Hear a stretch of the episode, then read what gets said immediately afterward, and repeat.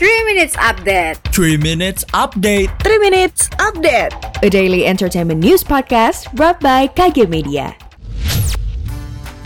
J-Hope BTS akui satu ketakutan jadi idol K-pop. Film The Battle at Lake Changjing mengalahkan No Time to Die di puncak box office. Rilis album baru, Ed Sheeran positif terkena COVID-19 Selengkapnya kita rangkum di 3 Minute Updates pada hari Senin, 25 Oktober 2021. Berita pertama dilansir dari Grid ID.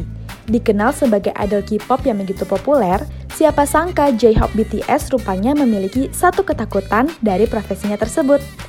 Hal itu pernah diungkapkannya pada episode ketiga seri dokumenter Break the Silence.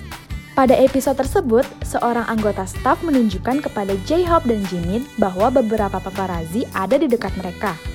J-Hope yang cukup terkejut mengetahui hal itu sampai mengaku takut dengan paparazzi. Meskipun begitu, J-Hope terus bertahan karena cintanya dari ARMY yang membuat segalanya begitu berharga. Kita beralih ke berita selanjutnya.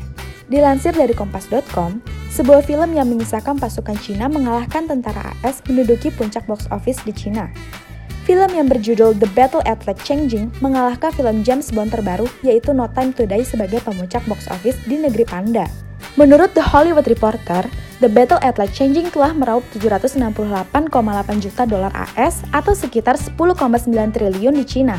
Film perang berdurasi 3 jam itu dilaporkan sedang berjuang untuk menyalip film perang lainnya, yaitu Wolf Warrior 2.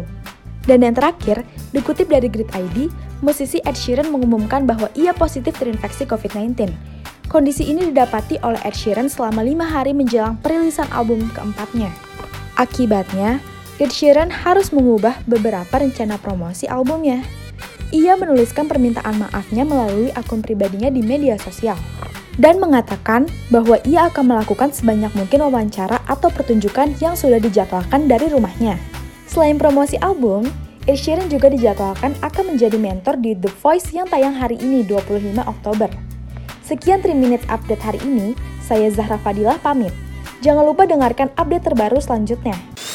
3 Minutes Update. 3 Minutes Update. 3 Minutes Update. A daily entertainment news podcast brought by KG Media